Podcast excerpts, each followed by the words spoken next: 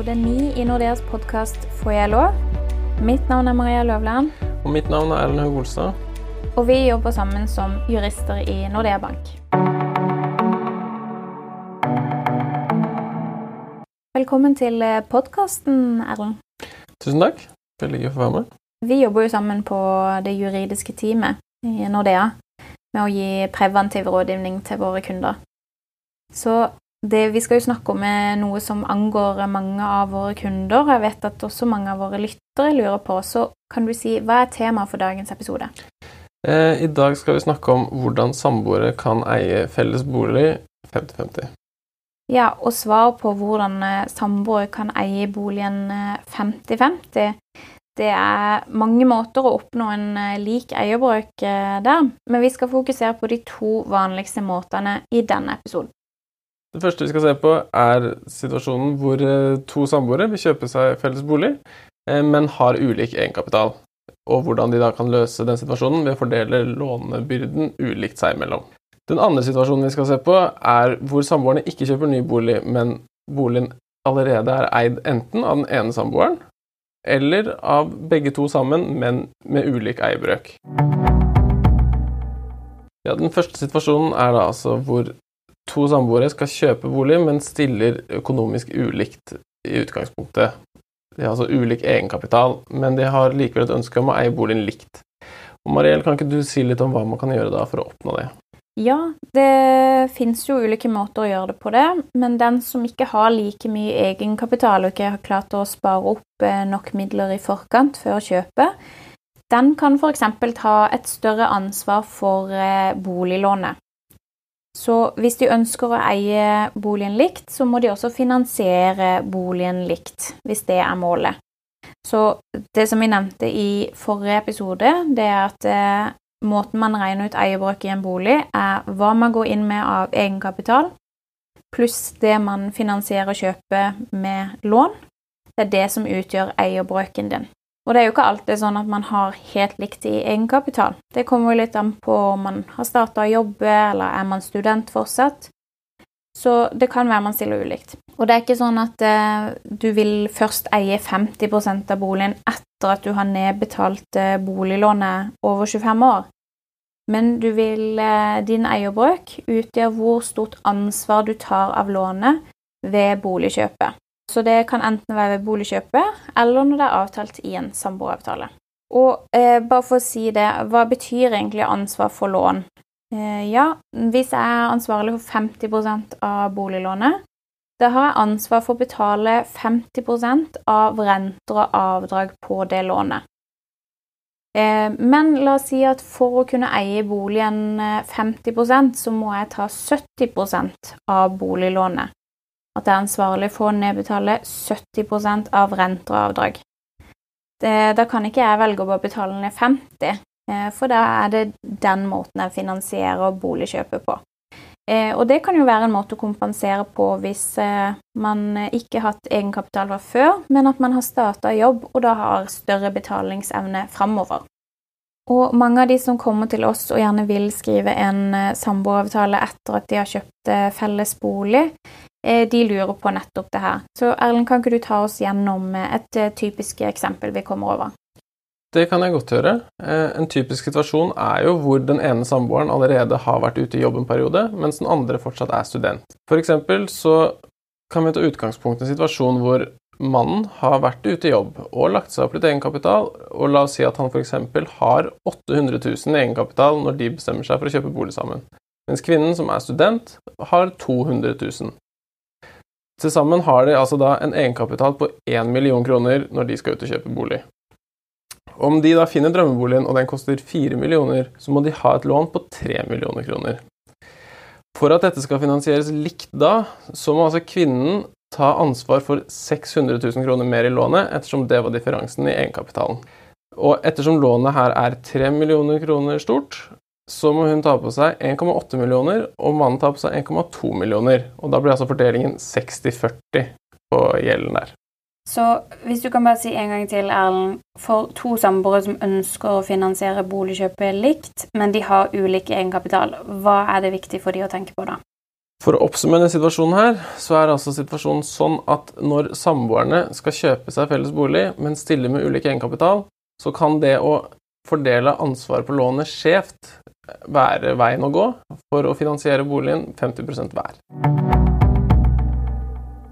Og det andre vi skal snakke om i denne episoden, er hvor man allerede har kjøpt en eh, bolig.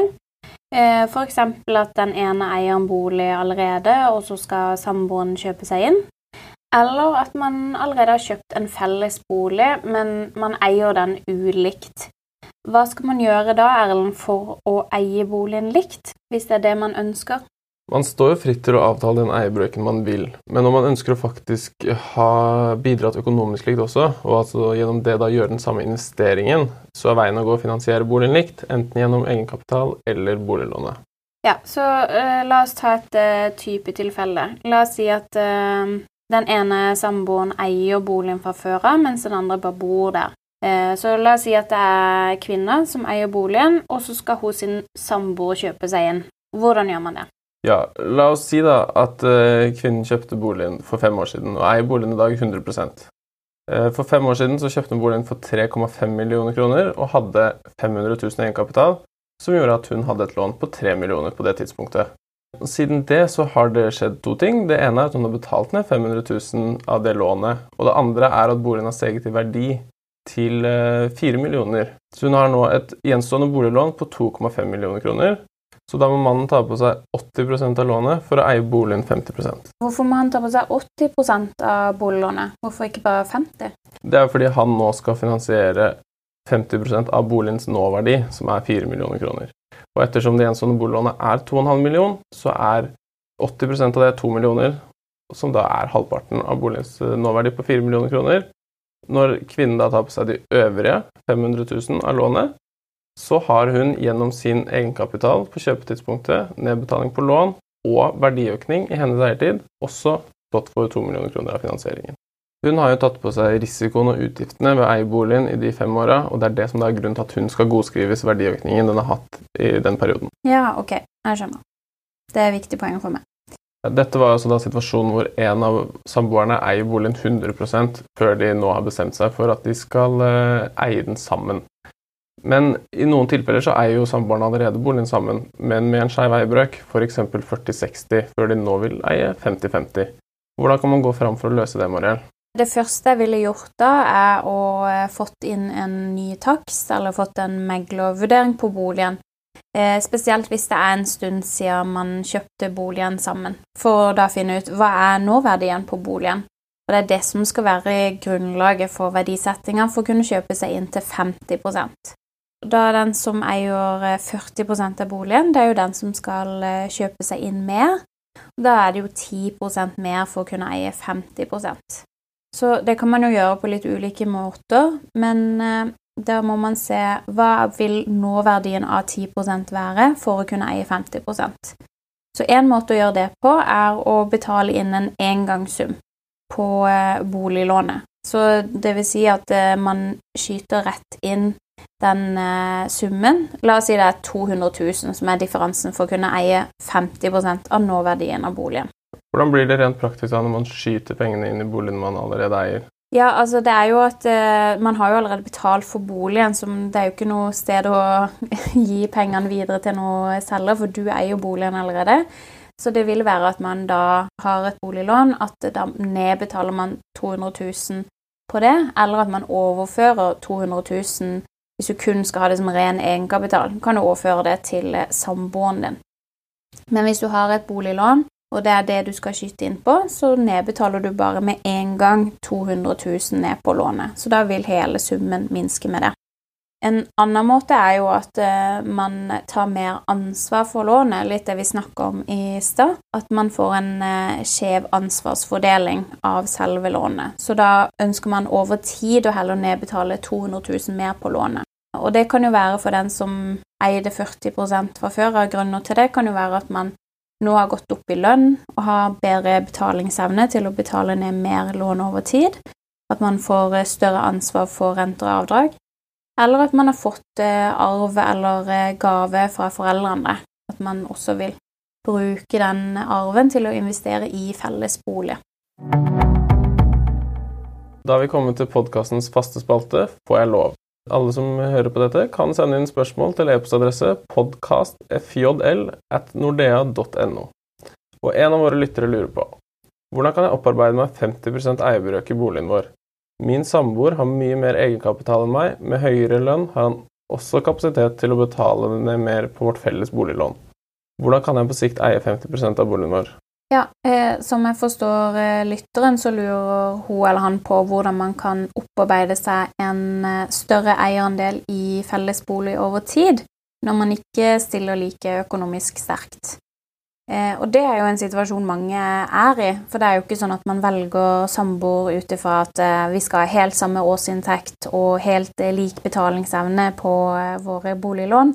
Eh, det er gjerne andre faktorer som også spiller inn i det valget. Så her, hva kan man gjøre da, hvis man har litt ulik økonomi eh, og ser at jeg vil heller ikke i framtida tjene så veldig mye mer, så det å ta større ansvar for lånet vil ikke være aktuelt for meg. Det man kan gjøre, er f.eks. å avtale i en samboeravtale at uh, man hvert andre år uh, vil opparbeide seg 1% mer eierandel i boligen, inntil man da til slutt eier 50% av boligen. Så da vil den som eier allerede 40% hvis man avtaler det i en samboeravtale, vil da etter 20 år ha opparbeidet seg 10% mer i eierbrøk i boligen, og da vil eh, begge samboerne eie 50-50. Så det kan være en, eh, en, løsning å avtale det i en samboeravtale når man også vil kompensere for ikke-økonomiske bidrag, at det også skal ha verdi for samboerskapet.